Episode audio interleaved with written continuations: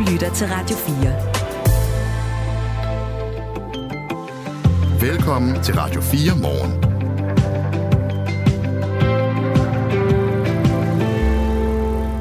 Det her er Radio 4 Morgen med Michael Robach og Kasper Harbo. Godmorgen og velkommen til en tirsdag, som starter sådan forholdsvis kølig, men som op af eftermiddagen kommer til at byde på tocifret antal plusgrader. Velkommen til den nye type februar. Yes. Om man så bliver bekymret, eller man bare bliver glad, det er op til den enkelte. Jeg har valgt at blive glad i dag. Det var godt. Det er der også mange af vores lyttere, der har. Øhm Åh, oh, du godeste. Nå, men der er mange mennesker, der gerne vil diskutere allerede nu etniciteten på skoleproblemerne. I det her tilfælde er det så i Odense. Ja. Er det et menneske, skriver. Igen bliver identiteten på voldsmanden skjult. Jeg tror, det er jer på Radio 4. Klart skal en næsten voksen dreng smides ud af skolen, hvis han står og vifter med en kniv for en skoleelev. Igen bliver der taget hensyn til udenlandske børn, og danske børn bliver offer i dette samfunds berigelse. Cirkus vågen op Danmark. Citat slut. Og den her sms kommer jo på baggrund formentlig af, at de øh, problemer, der har været på Borup Skole i Køge Kommune, hvor der jo også var sådan en sideliggende diskussion, eller sådan en sideløbende diskussion om øh, de her øh, børn, øh, som var de onde i den her sag, eller jeg ved ikke, om de var onde, men i hvert fald dem, der ikke opførte sig ordentligt. Øh, hvilken etnicitet havde de? Ja, jeg, det, jeg tror, det er en reference til det, ikke? Det fyldte enormt meget. Øhm, også i de sms'er, der kom ind til Radio 4 morgen. Altså, vi kendte jo ikke de børns identitet, så derfor gik vi ikke så meget op i det. Fordi det, der egentlig var den centrale historie, det var, at alle de forældre, hvis børn stadig gik på skolen, havde nogle bekymringer, som egentlig ikke havde så meget med børnenes ophav at gøre. I fredags der brød BT så tavsheden, fordi de mente, der var en, så meget diskussion om det her, at man skulle øh, kaste lidt lys over det og skrev om en af de centrale drenge i den sag, der udspillede sig på Borup skole, hvor der både var vold og seksuelle overgreb osv. Og han var jo et dansker, men det havde ikke så meget med sagen at gøre. Han kunne have været alt muligt. Han var så øh, fuldstændig etnisk dansk. Så skal vi ikke øh, blive enige om, at øh, vi skal nok i det øjeblik... Altså, det er jo det, der er den, den journalistiske overvejelse. Hvornår er det vigtigt for historien? Om, om der er et etnisk øh, ophav det ene eller det andet land. Altså, og, og det tror jeg simpelthen, at vi må, må tage, som det kommer. Men sms'en, den, den kom fra endetal 06. Du ved, hvem du er. Godmorgen, du. Øh, du kan skrive til os på 1424. Jeg hedder Kasper Arbo. Jeg hedder Michael Robach. Til Radio 4. En folkeskole er jo altså kommet i søgelyset på grund af voldsomme begivenheder. Trusler med kniv, kvælertag, vold og stoffer i skoletiden. Og det har fået flere end 100 forældre på Agedrup skole i Odense Kommune til at skrive under på et brev, hvor de beskylder skolens medarbejdere for ikke at være i stand til at takle den hårde adfærd, som hersker blandt nogle af skolens elever. Brevet er sendt til skoleledelsen og til undervisningsminister Mathias Tesfaye og til Odense Kommune. Det kunne TV2 og Fyns berette om i går efter at have set brevet. En af dem, der står bag brevet, er David Kieler. Godmorgen. Godmorgen. Far til en dreng i 8. som er blevet truet med kniv. Øhm, det er korrekt. Hvordan er øhm, jeres bekymring? Hvad, hvad er det, I er Det lyder dumt at spørge på den måde, men fortæl om din bekymring. Det er sådan, vil jeg hellere stille spørgsmålet. Jamen, vores bekymring er jo, at vi har haft en, en del møder med skolen, og, og, og de mener, at det her kan løses med pædagogik. Det er vi så nogle forældre, der mener, at vi er lidt forbi den del af det. Og, og det vi er bange for, det er jo, at de ikke har de rette værktøjer til, at der ikke er nogen øh, konsekvens. Det er konsekvensløst, vi har det over lige nu. Og Men... det er jo også det, vi, vi ser. Lad os tale om konsekvensen lidt senere, men måske skal vi lige beskrive mm. problemet, før vi taler løsninger. Den rå kultur, som du mener hersker på skolen, vil du fortælle noget mere om den? Ja, men jeg synes jo, det, det, det skræmmende i det, det er jo, at hvis øh, der er mange elever, der fra, falder fra øh, skoleskift så videre fra deres øh, omgivelser, de har i nærmiljøet derude, og, og, og så har vi øh, på, på skolen, at, at det er jo den ene hændelse efter den anden, og det bliver, der bliver sagt, at vi tror ikke på straf, vi tror på pædagogik. Er det et citat, eller er det din udlægning af det?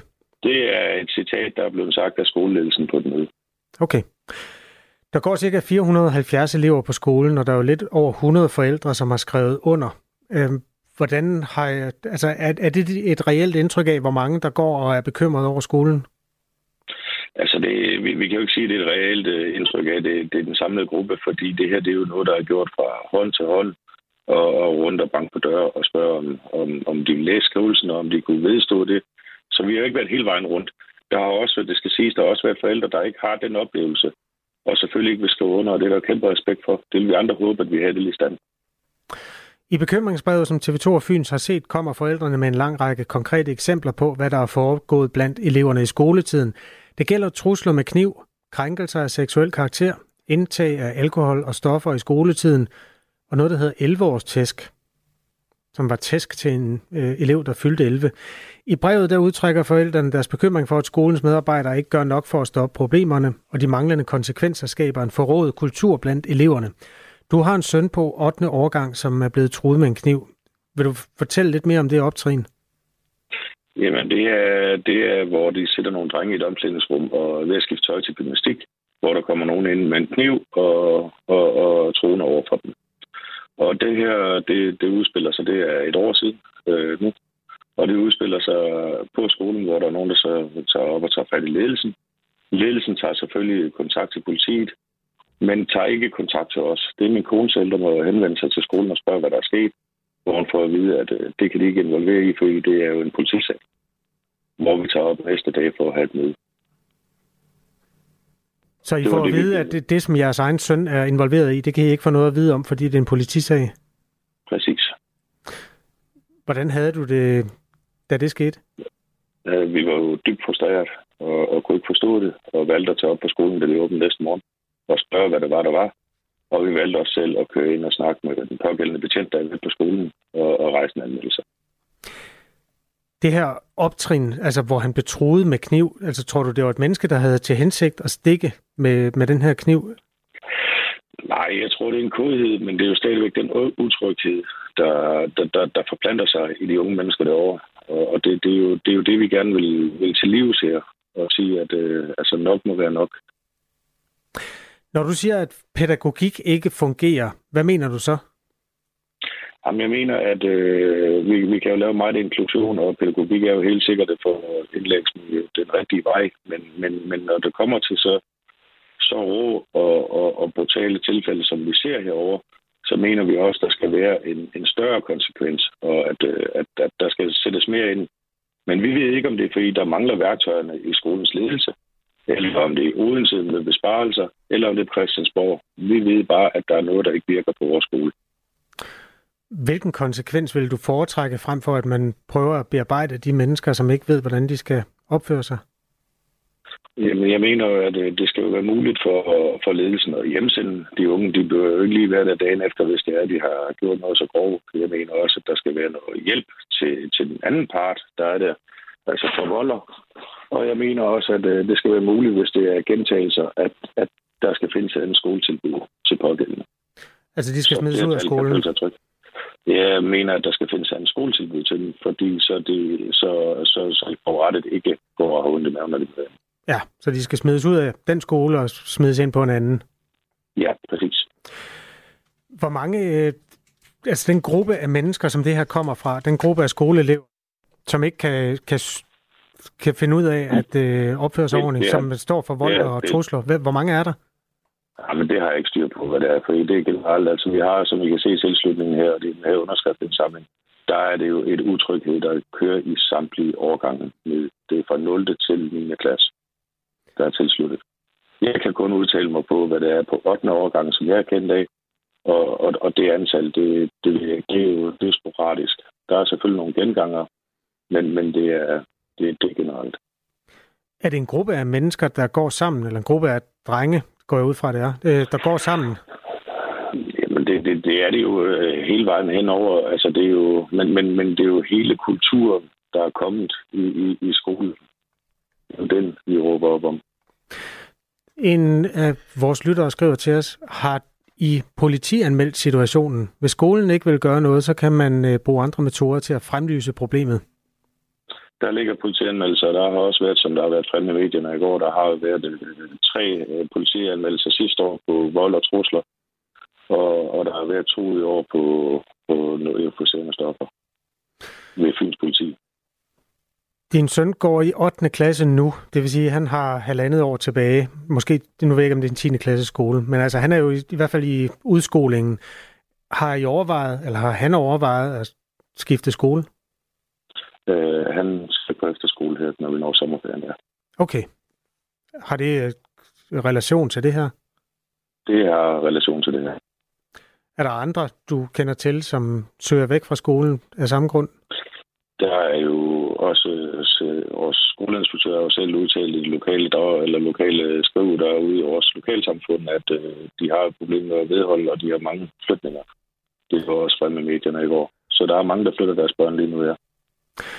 David Kieler står altså bag et bekymringsbrev om forholdene på Agedrup skole, øh, som far til en dreng i 8. klasse, som har et halvt år tilbage på skolen her.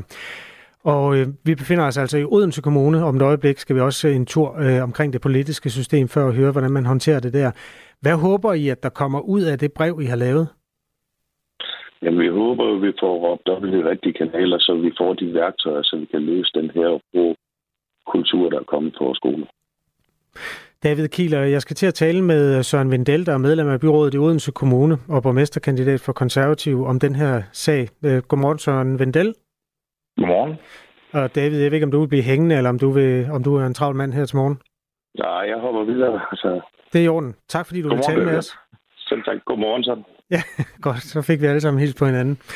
Øh, David Kieler er altså stemplet ud efter at have fortalt om, hvad hans 8. Øh, klasses dreng har oplevet. Søren Vendel, du har hørt øh, mange af de her ting mm. fra, fra skolen, der hedder Agedrup Skole, og også læst det brev, hvor forældrene beskylder skolens medarbejdere for ikke at gøre nok ved problemerne.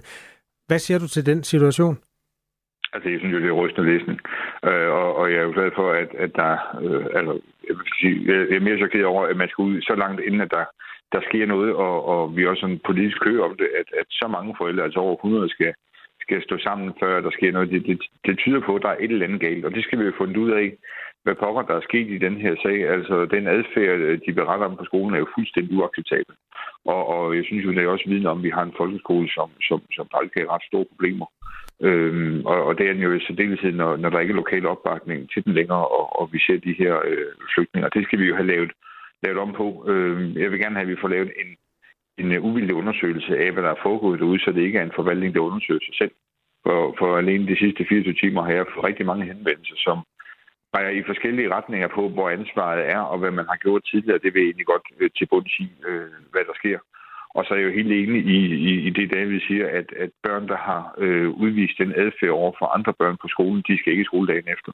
Øh, og, og vi har også brug for at kigge på, at folkeskolen øh, har brug for et eller andet øh, andet tilbud til nogle elever, som ikke passer ind i den normale skole, fordi de simpelthen ikke har en adfærd øh, og, og, og måske ikke et værdisæt med hjemmefra, der gør, at de passer ind i skolen, hvor de laver ballade og opfører sig øh, utilstedeligt over for andre. Øh, der er vi nødt til at kigge på, om vi skal have lavet mm. et, et andet tilbud, hvordan vi kan gøre det. Søren Vendel er altså byrådsmedlem i Odense og borgmesterkandidat for de konservative. Øh, Søren Vendel, det er lidt en automatreaktion, hver gang vi beretter om de her skole øh, at, at nogen skriver, at det også er integrationsproblemer.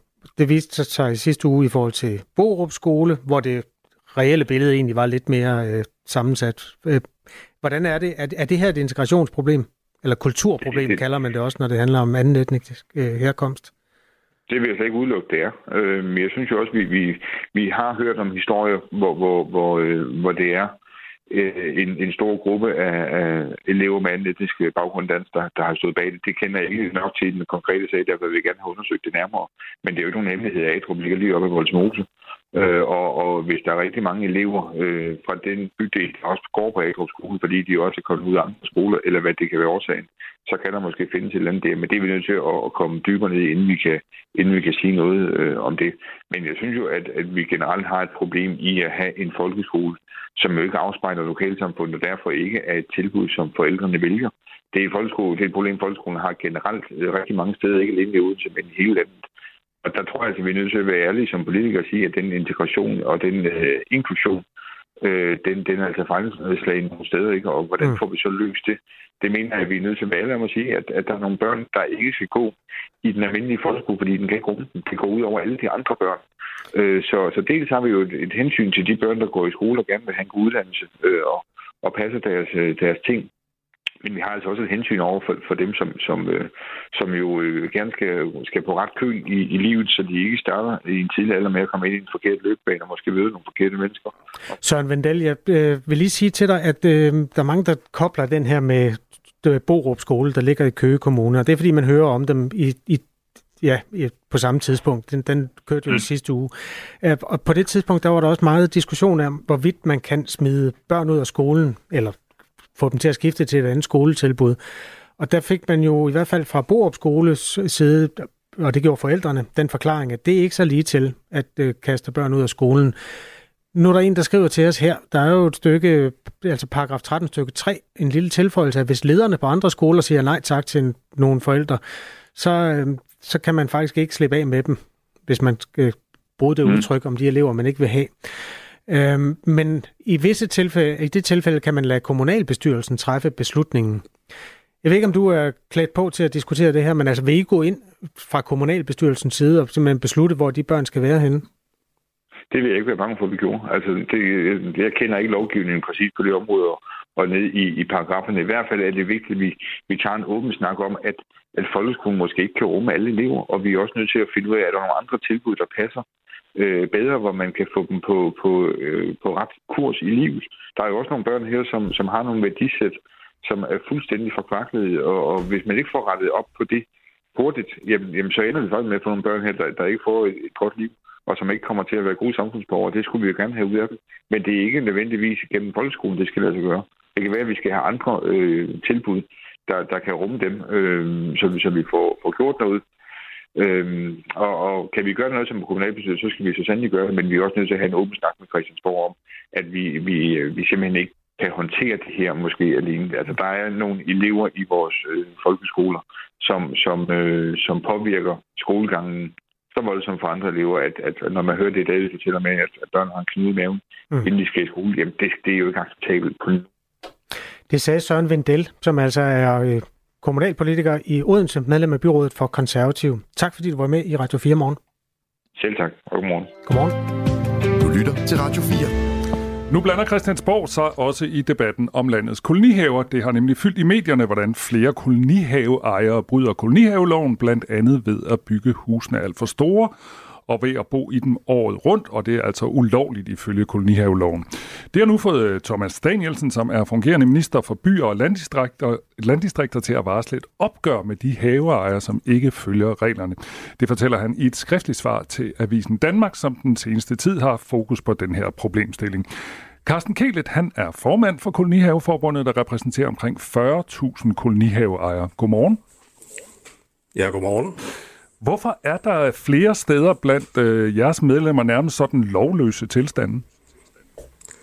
Ja, det er jo faktisk et meget godt spørgsmål, fordi det er jo ikke de intentioner, man går ind med, når man, når man overtager en kolonihave. Det er jo sådan, at øh, når du overtager en kolonihave, så skriver du under på en lejekontrakt med foreningen, og øh, den forventer vi jo selvfølgelig, at man overholder. Men det kan vi jo desværre se, det er jo ikke tilfældet alle steder. Mm. Og jeg vil jo gerne sige, at øh, som du selv nævnte i indledningen, altså vi står bag 40.000 kolonihaver i Danmark, og der er cirka 62.000 i alt. Og øh, jeg kan i hvert fald sige, at øh, de fleste inden for vores område, de overholder så de gældende regler, men desværre ser vi så også nogle steder, at det ikke forholder sig sådan, og det er vi jo selvfølgelig klart imod. Er der også en problemstilling i, at det er op til den enkelte foreningsbestyrelse at håndhæve de her regler?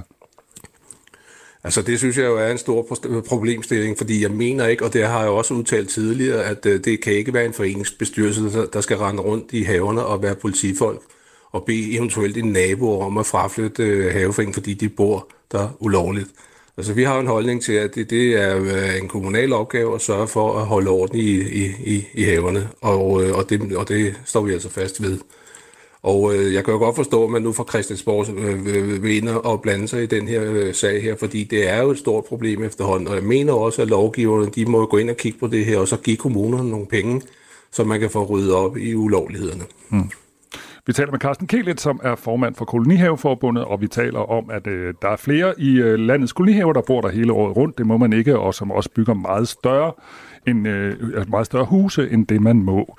Hvis det nu skal være kommunerne for eksempel, der skal kontrollere, og det er der jo nogle kommuner, der sådan er meget aktive i, så er der jo eksempler på, at kommuner filmer og tjekker, om der er lys i vinduerne, tjekker skraldespandene for skrald og den slags, for at se ligesom, er folk der uden for sæsonen. Hvad, hvad synes du om de metoder? Altså, altså man kan jo sige, at det, det, virker, det virker ekstremt, at man går til de metoder. Ikke? Men, men på den anden side, så kan jeg også godt forstå, at kommunerne vil have ryddet op i det her. Fordi det er jo ikke, hvad skal man sige, Øh, ja, hvad, ja, altså det er jo ikke øh, kolonihaveområdet, der, der skal omdannes til, til boligområder, og, og jeg synes jo, at mange de tager jo loven i egen hånd. De ved jo, når de flytter ind, at de, de må ikke bo der hele året. Og alligevel vælger man at gøre det, og det er jo også sådan, når du køber en kolonihave, så skal du have en hjemmeadresse, øh, hvor du bliver registreret på. Men det er der jo så mange, der siger, fint, nu har jeg en kolonihave, så bor jeg der hele år, og så, så skipper jeg min hjemmeadresse, eller leger lejligheden ud til, til, til anden side. Og det er simpelthen ikke vores holdning, at det er, det er den måde, det foregår på. Så vi jo altid går og siger, at vi har et socialt sigte med vores haver, og det er jo, at alle skal have mulighed for at kan, øh, kan få en kolonihave inden for lovens rammer, og det her står vi simpelthen fast i ved. Så, øh, så, så vi går ikke med på den der med de ulovlige ophold om vinteren. Det gør vi simpelthen ikke. Men hvis man snakker med nogle af dem, som ligesom har bygget stort, øh, store huse eller bor der hele året, så, så siger de jo tit, jamen sådan har det været den her forening i årtier, og vi er bare flyttet ind et sted, hvor det er der ligesom blevet sådan acceptabelt, og nu bor vi her altså, og vi har brugt øh, millioner på at bygge dejlige store huse ude i kolonihaven. Altså kan du ikke godt forstå det, at folk tænker, jamen der er ikke blevet skrevet, eller der er ikke blevet grebet ind over for det før, og så er det mærkeligt, at så kommer man nu og, beder, og måske beder folk om at rive dele af huset ned eller noget? Nej, det kan jeg faktisk ikke forstå. Fordi uanset øh, om der har været nogen at kontrollere det eller ej, så er det jo stadigvæk ikke lovligt. Du kan jo sammenligne det med at køre for stærkt ude på motorvejen. Det kan da godt være, at du har kørt for stærkt ude på motorvejen de sidste 25 år og aldrig blevet taget af politiet, men lige pludselig en dag, så bliver du jo taget. Princippet er jo fuldstændig det samme. Og øh, så, så det har jeg slet ingen forståelse for overhovedet. Nu siger du så, at øh, de her ulovligheder foregår ikke så meget i de øh, kolonihaver, der er medlem af kolonihaveforbundet, men er det ikke også, altså ligger, må, må I ikke også gribe i egen barm? Har der ikke også været øh, bestyrelser i de her kolonihaveforeninger, som simpelthen i overvis har set gennem fingre med det her? Jo, men det, er, det har du fuldstændig ret i, og det har der været. Ikke? Men som jeg nævnte med, starte med at, at sige indledningsvis, det var, at øh, det, Altså, jeg mener ikke, at man kan pålægge en kolonihavebestyrelse, at skal være politifolk og rende og, og hvad hedder det, bede folk om at og, hvad hedder det, og, øh, og, altså, at overholde lovgivningen eller eventuelt smide dem ud. Det mener jeg ikke er, er de enkelte bestyrelsesopgaver, fordi du skal tænke på mange gange, de bestyrelser, der sidder ude i foreningerne, det er jo nogen, altså det er jo helt fuldstændig frivillige mennesker, der har valgt at sige, jeg vil godt gå ind i noget bestyrelsesarbejde, men jeg tror ikke, at bagtanken var, da de tog jobbet, at de så også skulle være hvad hedder det, ejendomsadministrator. Det, det, det mener jeg simpelthen ikke er, er øh, bestyrelsernes opgave. Så, så, så, så nej, det er, ikke, det er ikke bestyrelsens opgave. Ministeren, altså Thomas Danielsen, han siger til Avisen Danmark, at han ikke forventer et decideret lovforslag om ændring af kolonihaveloven, og er generelt sådan lidt tilbageholdende med, hvad det her opgør vil munde ud i. Så nu kan vi jo øh, frit Kom med bud på, hvad løsningen kunne være. Hvad håber du, at ministeren kommer med for at løse de her øh, udfordringer, som er altså med helårsbeboelse og for store bygninger? Altså, jeg håber selvfølgelig på, at man, man får lavet øh, en opstramning af kolonihaveloven, hvor man går lidt mere i dybden. Ikke? Altså, jeg, altså, der står jo i kolonihaveloven, du må ikke bo der øh, hele år, og sådan nogle ting. Ikke? Men, men, men altså, jeg synes jo også omkring, øh, hvad hedder det, selve det der med for store boliger, det skal, det skal der jo også strammes op om, ikke? fordi vi har jo også hørt om øh, kolonierhus, der er 200 kvadratmeter store, ikke? Altså, og øh, altså, det, altså, det er ikke et kolonihus, det er en helårsbeboelse, og hvad hedder det, og det vil vi jo selvfølgelig gerne have, det vil vi gerne have dæmmet op for. Så jeg synes jo, at det vil være helt fint, hvis man fra Christiansborgs side begynder at kigge lidt mere ind i, den her, øh, ind, ind i det her område, for at få det Altså for at få lavet en opdatering på det, vil jeg sige. Og så flytte ansvaret for kontrollen fra de enkelte øh, havebestyrelser og hen til kommunerne for eksempel? Ja, det vil jeg jo sige, ikke? fordi at, øh, det er dem, der skal føre kontrollen derude. Ikke? Fordi øh, i de langt de fleste tilfælde, så er hvad hedder det, jorden jo lejet af kommunen. Så, så, så jeg synes jo også, det er dem, der skal ud og føre kontrol. Men jeg vil så også sige, at det bliver nok svært, hvis der ikke, hvis der ikke følger nogen penge med øh, til, til kontrollen. Så det mener jeg altså også, at man fra Christiansborgs side skal, skal, skal sørge for, at der følger nogle penge med ud til kommunerne, så de har mulighed for at kan føre kontrollen. Tak fordi du er med Radio 4 morgen. Det er helt i orden. Tak for det. Velbekomme. Det var Carsten Kelit, som altså er formand for Kolonihaveforbundet. 20. februar, det var i dag kong Hans døde, hvis ja. det skulle interessere nogen. Det er ja. 511 år siden. Tak. En jammerlig affære. Han var på vej på hesteryg op til Aalborg. Han var vist fra, på vej fra Ribe, og så et eller andet sted, så snublede hans hest og tabte ham ned i Skærn Å. Og kong Hans, som på det tidspunkt var 58 øh, år, han, han havde jo haft øh, mange år som konge og forsøgte at vinde Sverige. Det kunne han ikke og sådan noget. Han var en stedig ræd, var han. Så han beholdt det våde tøj på, mens han sad der på hesten, og så red han hele vejen op til Aalborg, og så døde han af Man lungebetændelse. skal aldrig ride til Aalborg i vort tøj. Nej, og slet ikke den 20. februar. Husk det, og godmorgen i øvrigt. Klokken er halv otte. Nu er der nyheder på Radio 4. Odense Kommune vil inden for to dage forsøge at skabe et overblik over anklager om vold, trusler og krænkelser af seksuel karakter mellem eleverne, som forældre siger har fundet sted på Agedrup skole. Det siger børn og unge rådmand i Odense Kommune, Susanne Crawley Larsen til TV2 Fyn. Det bekymrer mig virkelig meget, når jeg får et brev, som er underskrevet af mere end 100 forældre fra en skole. Og derfor så arbejder forvaltningen også lige nu på højtryk for at få et overblik over, øh, hvad er der konkret sket, hvad, hvordan er der blevet handlet på sagerne. Forældrene skriver, at Adrup skole nordøst for Odense har været en tryg skole tidligere, men normalen har flyttet sig markant, skriver de. En af de forældre fra Adrup skole, der har sagt fra, er entreprenøren David Kieler, ved søn går i 8. klasse på skolen. Det kan ikke være rigtigt, at det er vores kæreste eje, vi sender ind her. Og det er med den tro på, at, at de kommer ind til trygge rammer siger han til TV2 Fyn. For et år siden blev sønnen truet med en kniv af en jævnaldrende elev på skolen. Den sag endte med en advarsel til eleven med kniven. Jeg kan jo ikke forstå, at min søn kan møde ind dagen efter skole og møde den samme, som har haft en kniv med. Men jeg blev, af skolens ledelse blev, øh, da jeg spørger, om det kan være rigtigt min søn, ja, hvad har jeg ellers forestillet mig? Trusler og vold i psykiatrien bidrager til personaleflugt. Det viser en undersøgelse blandt speciallæger i psykiatrien lavet af yngre læger og overlægeforeningen. Undersøgelsen viser, at 42 procent har været udsat for trusler eller truende adfærd de seneste 12 måneder. 5 procent er blevet overfaldet på arbejdet. Knap hver fjerde af de speciallæger i voksenpsykiatrien, som nu arbejder i privat regi, oplyser, at vold og trusler har medvirket til, at de har forladt den offentlige psykiatri. Så længe vi ikke får ressourcer til at tilbyde ordentlig, langvarig og stabil behandling, vil medarbejderne i psykiatrien være udsat for en sikkerhedsrisiko, der er større end den burde være, udtaler formand for Overlægeforeningen Susanne Varmen.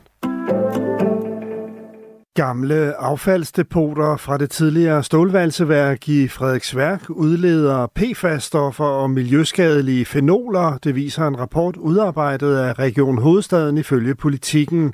Konklusionen er, at det sandsynligvis udgør en risiko for Roskilde Fjord, skriver avisen. Man har i forbindelse med udarbejdelsen af rapporten lavet 54 boringer for at finde ud af, om der har været forurening. I større eller mindre grad var det tilfældet ved størstedelen af boringerne. Forureningen er resultatet af, at stålværket i flere årtier fik lov til at dumpe affald, som kom fra oparbejdningen af stål. Affaldet indeholdt både tungmetaller og andre former for forurening. Man har blandt andet målt et niveau af det sundhedsskadelige PFOS i koncentrationer op til 3.769 gange miljøkvalitetskravet for vandet i fjorden, skriver politikken. USA er kommet med et forslag til en resolution i FN's Sikkerhedsråd, der opfordrer til en midlertidig våbenhvile i krigen mellem Israel og Hamas, og som modsætter sig en stor landoffensiv i Rafah i det sydlige Gaza. Det viser teksten til resolutionen, skriver Reuters. Forslaget skal fastlægge, at under de nuværende omstændigheder vil en stor landoffensiv ind i Rafah resultere i yderligere skade på civile. Israel har planer om at storme Rafah, hvor mere end 1 million af de 2,3 millioner palæstinensere i Gaza har søgt tilflugt. Mest diset og lidt regn, 5-9 grader og svag til frisk vind fra vest. Det her er Radio 4 morgen. Husk, at du kan sende os en sms på 1424. Det kan være ubehageligt for mange kvinder at træde op på vægten, når de er gravide, men det er særligt problematisk for gravide, der tidligere har haft en spiseforstyrrelse. De tre vejninger, som Sundhedsstyrelsen anbefaler som et minimum, øh, risikerer nemlig at sende kvinden tilbage til de gamle mønstre, hun havde under sin spiseforstyrrelse. Det oplevede Mina Albrecht Kessler, da hun var gravid med sit første, barn. Øh, første barn. Øh, godmorgen, Mina. Godmorgen. Og tak fordi du var med i Radio 4. Ja, selvfølgelig. Du har haft øh, anoreksi i de tidlige teenageår og igen i starten af din tilværelse som voksen. Hvilke, Ja, hvilke tanker gik der gennem hovedet på dig, da du under din første graviditet fik at vide, at du skulle vejes? Men jeg synes at det var super skræmmende. Nu har man brugt, jeg ved ikke hvor mange år i behandling på ikke at skulle forholde sig til sin vægt og kigge i spejlet i stedet for, og så lige pludselig så er det, så er det vægten, der er altafgørende for, om man har det godt. Mm. Kan du ikke lige prøve at sætte os ind i det tankesæt, man har, når man har en spiseforstyrrelse, hvad ens forhold er til vægten? Bare sådan, vi forstår det, os der ikke har prøvet det. jeg kan prøve i hvert fald. Jamen altså, øh, det handler jo om, at man ikke kan se selv, hvor tynd man er. Så det eneste, man kan kontrollere, det er tallet, der står på vægten. Så det, det vigtigste for mig, det var nærmest uanset, hvad der stod, så skulle det bare være mindre end i går. Og så spejler man sig jo i, i andre, og sådan, uha, der er en, der kun vejer 50 kilo, og så skal jeg kun veje 49 kilo. Så det er jo hele tiden, det er jo sådan en, øh, jo mindre, jo bedre. Hele tiden. Mm. Så derfor så får man sådan et helt forkert og helt sygt forhold øh, til de der tal, der står på en vægt. Fuldstændig. Jeg kommer aldrig til at kunne forholde mig øh, normalt til et tal på en vægt. Så skulle du jo vejes, da du blev gravid. Øhm, kunne du ikke bare sige fra? Kunne du ikke sige til din læge eller jordmor, eller hvem der gerne vil have det op på vægten, og sige, ved du hvad, jeg har et problem med det her? Altså, det prøvede jeg jo, men, øh, men det er jo sådan, at hos øh, en almindelig læge, der er der nogle kasser, de skal hakke af. Øh, og uanset om man har været igennem en spiseforstyrrelse eller ej, så skal de hakke den her af. Øh, heldigvis så fandt jeg en jordmor, som, som fulgte mig til sidst, som, som kiggede på mig og sagde, du, du ser fin ud. Men, øh, men der er nogle kasser, der skal hakkes af, og dem, øh, dem slipper du ikke for. Mm. Så hvis man går op til sin almindelige læge, og han eller hun ikke sådan er særligt øh, vidne om spiseforstyrrelser, eller hvad, så, så tænker du, at så vil lægen sige op på vægten? Ja, det var i hvert fald den oplevelse, jeg havde, at de skulle have en startvægt, og så de her to-tre vejninger undervejs. Og hvis man kommer til jordmor, skal man jo også vejes, fordi de gerne vil holde styr på, om man så det på, man skal. Og jeg synes faktisk næsten, at underligt nok, at fokus var mere på min vægt end på, på alle andres vægt, fordi at jeg jo netop havde været spiseforstyrret, på trods af, at jeg tog faktisk ret meget på. Øhm, så det var helt underligt, at det pludselig skulle have så stort et fokus. Når man bliver vejet under graviditeten, så er det jo et hensyn til både øh, mor og barn. Og lad os lige prøve at høre, hvad Per Ovesen, som er overlæge og professor på fødeafdelingen på Aarhus Univers- øh, Universitetshospital, sagde til os i går. Hvis man tager for lidt på, eller hvis man tager for meget på, så betyder det noget for graviditeten og for fosteret eller den nyfødte. Det betyder også noget for moren på længere sigt. Så, og det, jeg synes, det er en meget lille undersøgelse, billig undersøgelse, så det synes jeg, man skal holde ved. Sådan sagde altså Per Ovesen, som er overlæge og professor på fødeafdelingen i Aarhus, og lige nu taler med Mina Albrecht Kessler, som øh, tidligere har haft en spiseforstyrrelse. Det er jo et dilemma, det her, Mina. Man skal jo også tage hensyn til, til moren og barnets trivsel. Er det ikke det vigtigste, trods alt? Selvfølgelig er det det, men altså man får taget blodprøver, man laver urinprøver, man får taget blodtryk, og så kan en læge jo også godt kigge på en og sige, det ser fint ud. Altså, det er jo muligt at se, om man har taget på eller ikke har taget på, og når man har taget for meget på eller tager for lidt på. De måler jo også, jeg kan ikke huske, hvad det hedder, men de måler jo også maven. Så der er jo en masse andre indikatorer, som man kan gå efter, ud over de der åndssvage tal på vægten. Mm. Men det, det var meget interview, den her læge i går. Han sagde, at det er nemt, og det er billigt, og det er ligesom også en indikator på, i hvert fald om ikke andet, også hvordan barnet har det. Jamen, du? selvfølgelig. Jo, men det kan igen, altså en jordmor kan mærke på maven, og afhængig af hvor langt man er, og se, hvordan barnet har det derinde. Og man kan høre hjertelyd, man kan tage hjertekoreogrammer, man kan gøre så mange ting. Så selvfølgelig er der nogle kvinder, der kan forholde sig til at blive varet, men generelt har vi jo et samfund, der kigger meget på krop og vægt og alt muligt andet. Så uanset om man har været spiseforstyrret eller ej, så kan det bare give et rigtig forstyrret syn på den vægt, man har, når man tager på. For det bliver også en konkurrence for mange. Mm. Uh, jeg skal ikke tage så meget på. Uh, jeg har taget for meget på. Kroppen tager det på, som kroppen har brug for, hvis man gør det, man altid har gjort.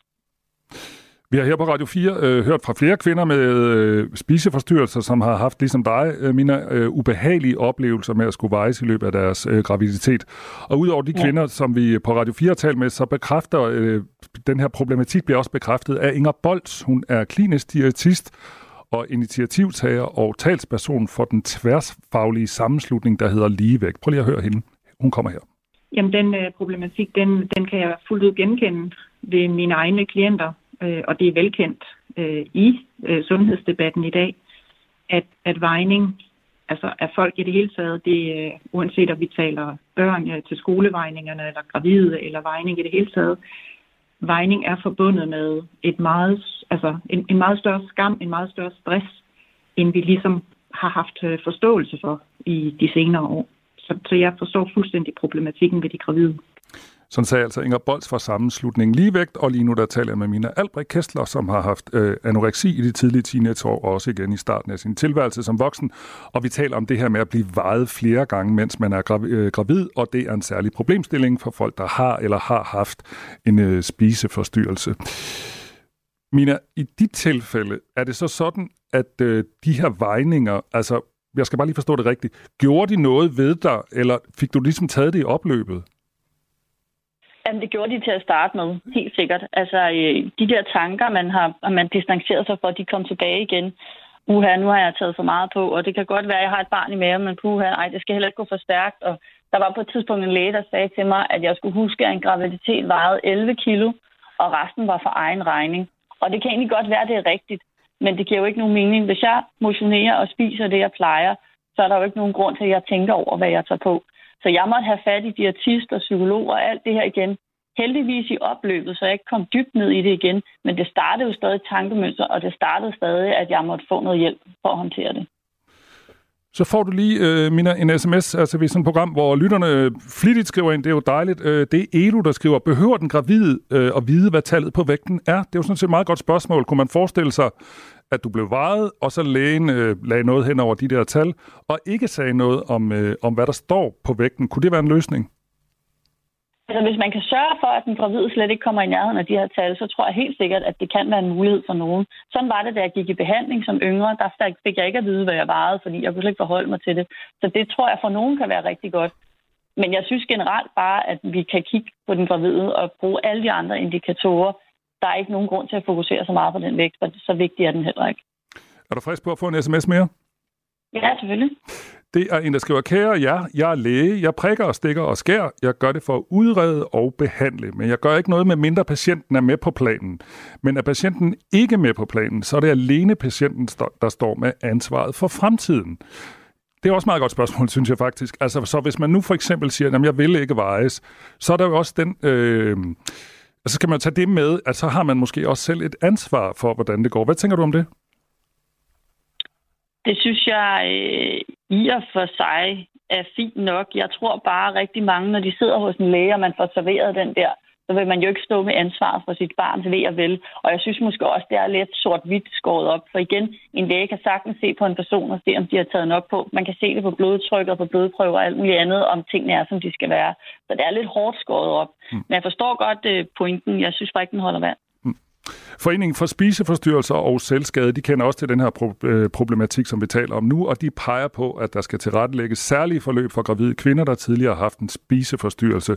Og øh, foreningen mener, at de kun skal vejes af den samme person, som også kan have viden om, hvordan man skal tale med tidligere spiseforstyrret om deres vægt. Hvad tænker du om den løsning? Altså en, der følger en, og som også er uddannet til at vide, hvordan man taler om vægt øh, med folk, der har haft en spiseforstyrrelse det synes jeg er, er rigtig, rigtig godt. Altså som sagt, så mødte jeg jo selv øh, en jordmor, som øh, havde en, en efteruddannelse, som havde meget styr på det, og derfor med mine andre graviditeter har jeg været totalt taget hånd om, og slet ikke skulle forholde mig til nogen vægt eller noget som helst. Og det har hjulpet rigtig meget. Så det tror jeg helt sikkert kan være en løsning. Mm.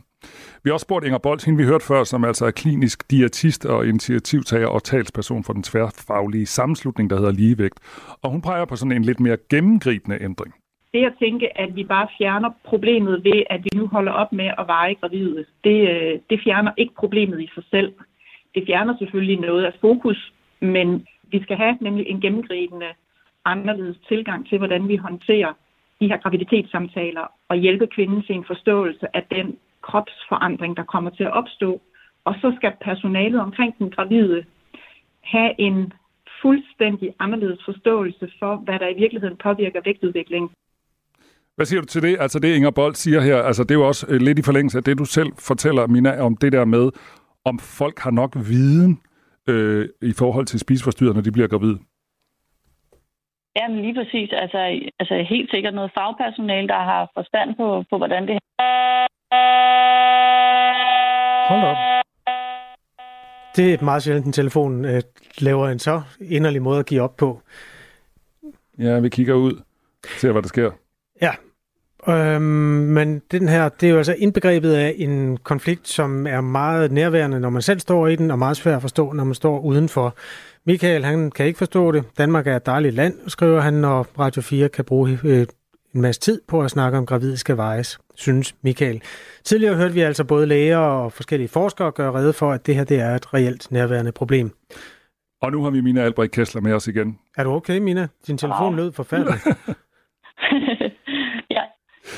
Det var også bare, vi var faktisk ved at runde interviewet af, men nu var det sådan en mærkelig Ah, måde okay. at, at få dig ud på. Det var det her med, om det ligesom er godt nok, at... Øh, Altså, eller om, om sundhedspersonale. Nu var du heldig at møde en, en øh, jordmor, der var dygtig til det her, men om sundhedspersonale i det hele taget ligesom er, er, er gode nok til at møde folk med spiseforstyrrelser.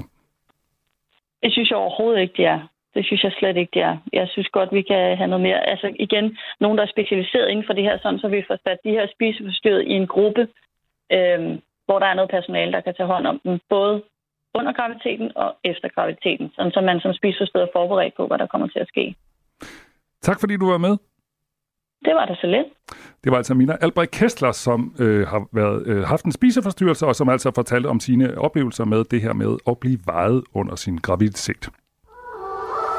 Mirko øh, siger man gang, at Taylor Swift simpelthen ansat af The Deep State til at lave disinformation, som i sidste ende skal sørge for, at Joe Biden han bliver valgt over Trump. Er der bad blood på højrefløjen i USA, og spænder Kennedy-familiens sorte får ben for Joe Biden? Som ikke falde ned i kaninhuller på nettet. Er det Mission Impossible at sagsøge Scientology? Og er Kevin Spacey for evigt cancelled? De juridiske anklager har haft enorme professionelle konsekvenser. Er de facto blevet cancelled. Only in America er alt det, du kun finder i USA. Jeg har sagt til dig før, Frederik, at hvis man er nødt til at gå i seng, når klokken bliver mange. Lyt med i Radio 4's app, eller der, hvor du lytter til podcast. Igennem 100 år har vi tømt vores have for sten. Altså ikke vores have med græs og øh, havemøbler, men vores have, altså vores indre farvande. De bliver brugt til havnemoler i byggerier, og ja, vi har simpelthen øh, skulle bruge sten til alt muligt.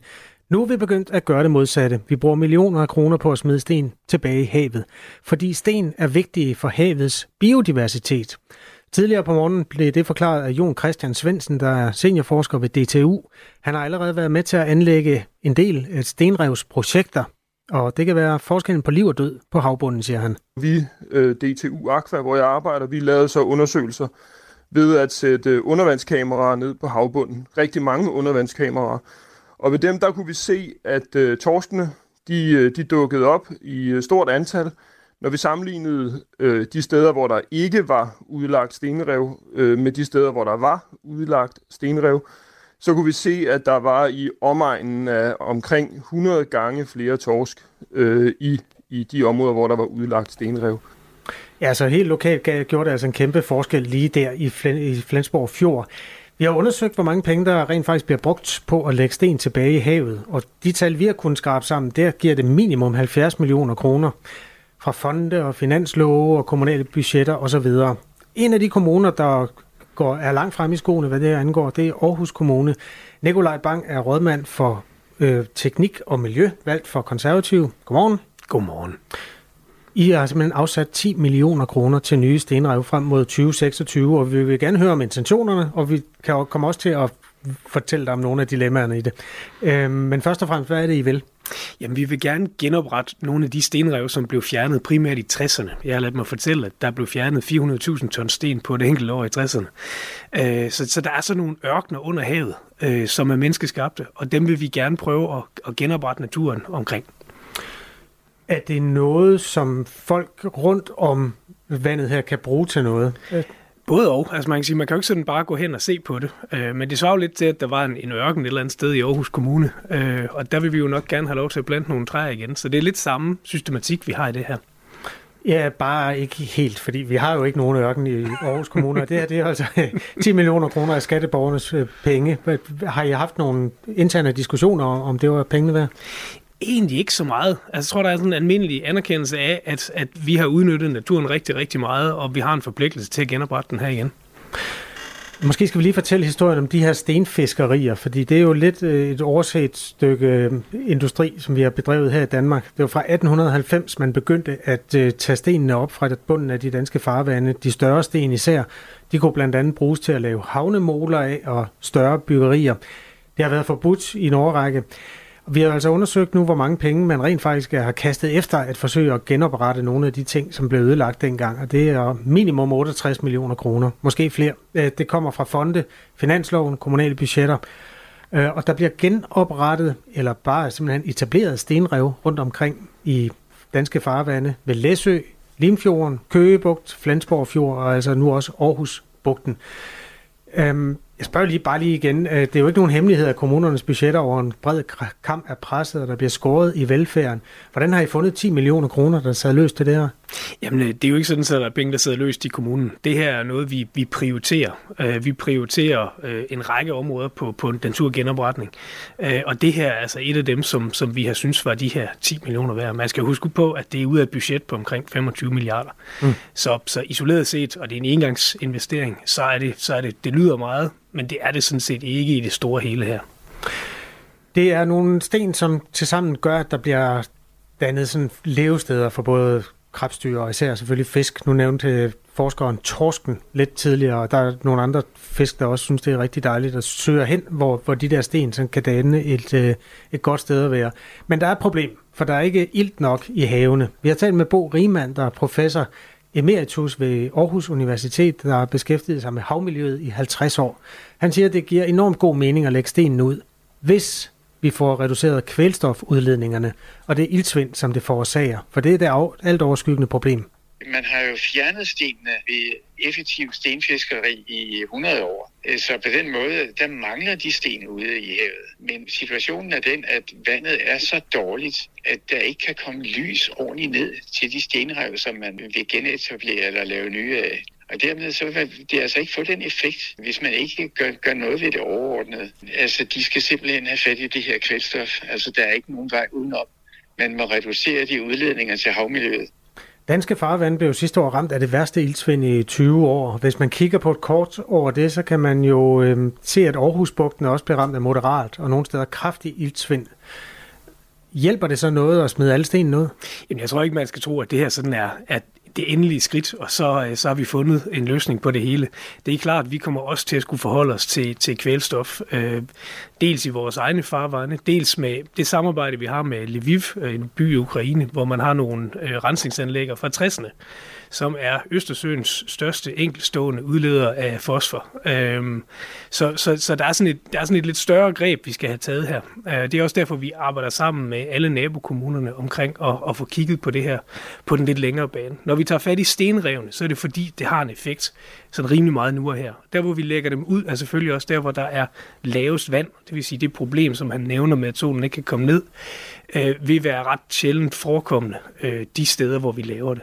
Det vil være på det, vi kalder mejlflak, og det vil være tæt ved den permanente, hvor det så faktisk bliver muligt for skoleklasser og dykkere og sådan noget, at komme ud og opleve, hvordan havet ser ud under overfladen.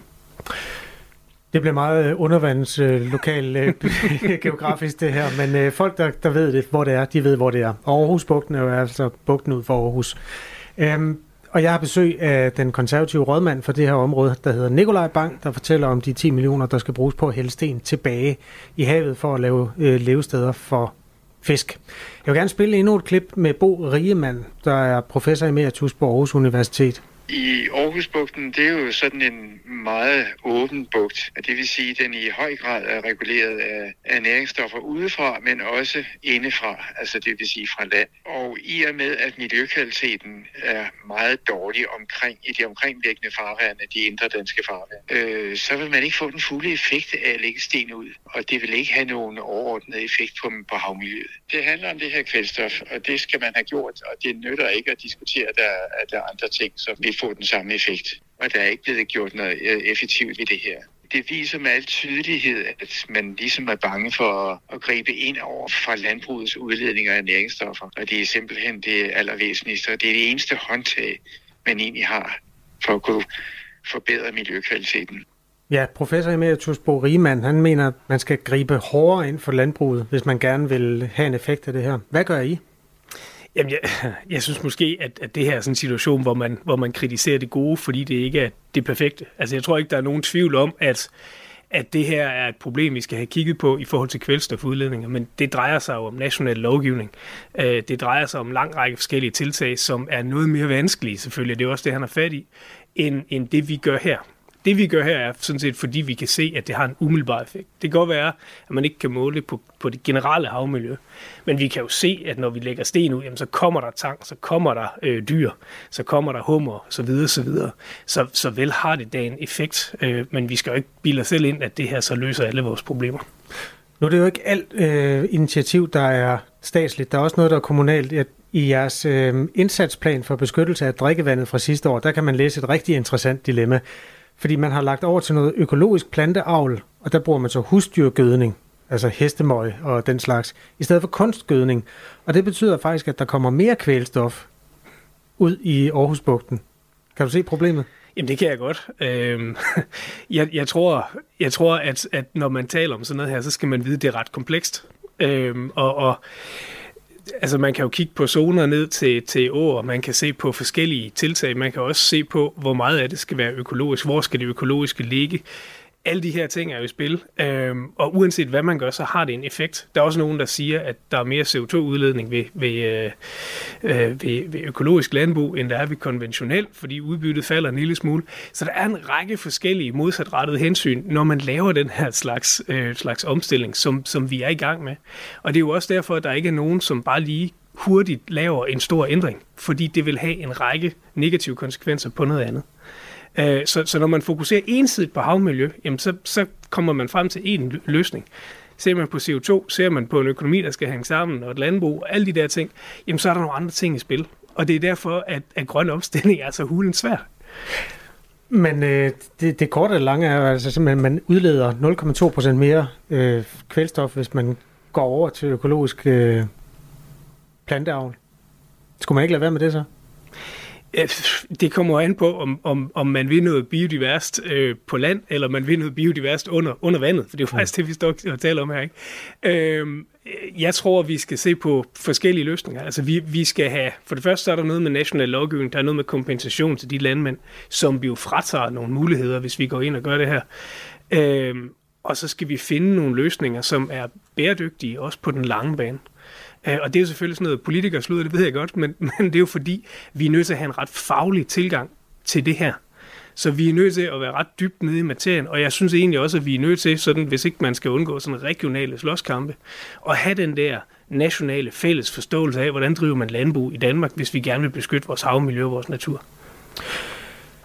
Øh, vi skal måske lige, altså hvis ikke der bliver gjort noget for at undgå iltvind, så stenrevene rent faktisk kan Ja, altså så kan stenrevne i virkeligheden forværre situationen. Nu, nu bliver det meget kompliceret, men nu skulle du lige prøve at høre, hvad Bo Riemann, han, han siger her. Hvis der bliver ildsvind i området, så dør dyrene jo, og der er jo heller ikke noget lys, sådan at der, der er noget plantevækst på. Og så vil man egentlig kun stå med et meget stort eller et større areal, hvor der er bakterier, som yderligere kan reducere iltforholdene. Det er altså ikke alle steder, hvor det er lige gavnligt at lægge sten ud. Hvor sikker føler du dig på, øh, Nikolaj Bang, at øh, de her mange penge, som vi bruger på at, at føre noget af havbunden tilbage til sådan, som den så ud engang, at det ikke gør tingene værre?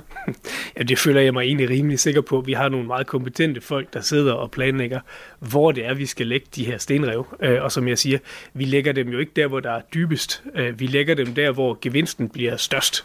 Og det er på de her flak, altså det vil sige relativt lav, øh, altså hvor, hvor vandstanden ikke er så høj. Øh, og vi lægger det blandt andet ved den permanente, som er forholdsvis tæt på kysten. Vi har allerede et kunstigt stenrev, der blev lavet i forbindelse med øh, Lighthouse-byggeriet nede på Aarhus Ø, øh, hvor vi jo altså, hvor man kan tage ned og stikke ud ned under vandet, og der kan man se, at der er fisk, der er tang osv. Så, Så, så jeg synes, hvis jeg nu skal være helt ærlig, synes jeg lidt, han maler fanden på væggen her. Øh, og, og, og det ærger mig egentlig lidt, fordi øh, han har selvfølgelig ret i på den lange bane, at vi er nødt til at lave nogle større strukturelle ændringer. Men at sige, at vi overhovedet ikke kan gøre andet end det på nuværende tidspunkt, det synes jeg simpelthen er forkert. Nikolaj Bang, vi får se, hvor mange fisk der kommer, når nu stenene vender tilbage til havbunden. Nikolaj Bang er konservativ rådmand for Aarhus Kommunes øh, Teknik og Miljø. Noget snore. Ja, hvad sådan er det, der brummer? Er det Det, det er din øh, mikrofon, der er begyndt at brumme. Øh, Skal vi så ikke sige farvel til? Jo, du bliver nødt til at gå. Din mikrofon den er begyndt at knitre. Tak for kom. Ja, og det her det er jo altså en historie, som er øh, om 10 millioner kroner, der skal forbedre det biodiversiteten på bunden af havet. Det er det, vi ved. Det er det, vi ved. Og når vi øh, lidt senere på morgenen, så skal vi øh, igen tale om øh, Agedrup skole på Fyn. Altså det er den her skole, hvor flere end 100 forældre har skrevet under på et brev, hvor de udtrykker bekymring for den hårde kultur, som hersker på skolen. Og vi taler, øh, når klokken den bliver cirka efter nyhederne halv otte, er det, øh, der taler vi med Regitze Spænder Ishøj, som er næstformand i Landsforeningen Skole og Forældre, og vi spørger selvfølgelig øh, hende til den sag. Klokken er 8. Du har lyttet til en podcast fra Radio 4. Find flere episoder i vores app, eller der, hvor du lytter til podcast.